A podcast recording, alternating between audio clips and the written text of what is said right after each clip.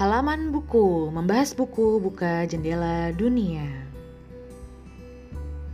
Hai guys, karena tak kenal maka tak sayang, so gue mau memperkenalkan diri dulu. Gue adalah Elizabeth Ica, biasa dipanggil Ica, dan gue adalah orang yang berada di balik podcast halaman buku ini.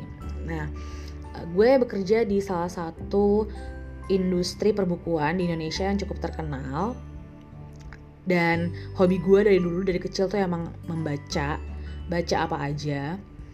So gue bikin podcast ini untuk berbagi pengetahuan dan ilmu-ilmu kepada teman-teman semua yang mendengarkan.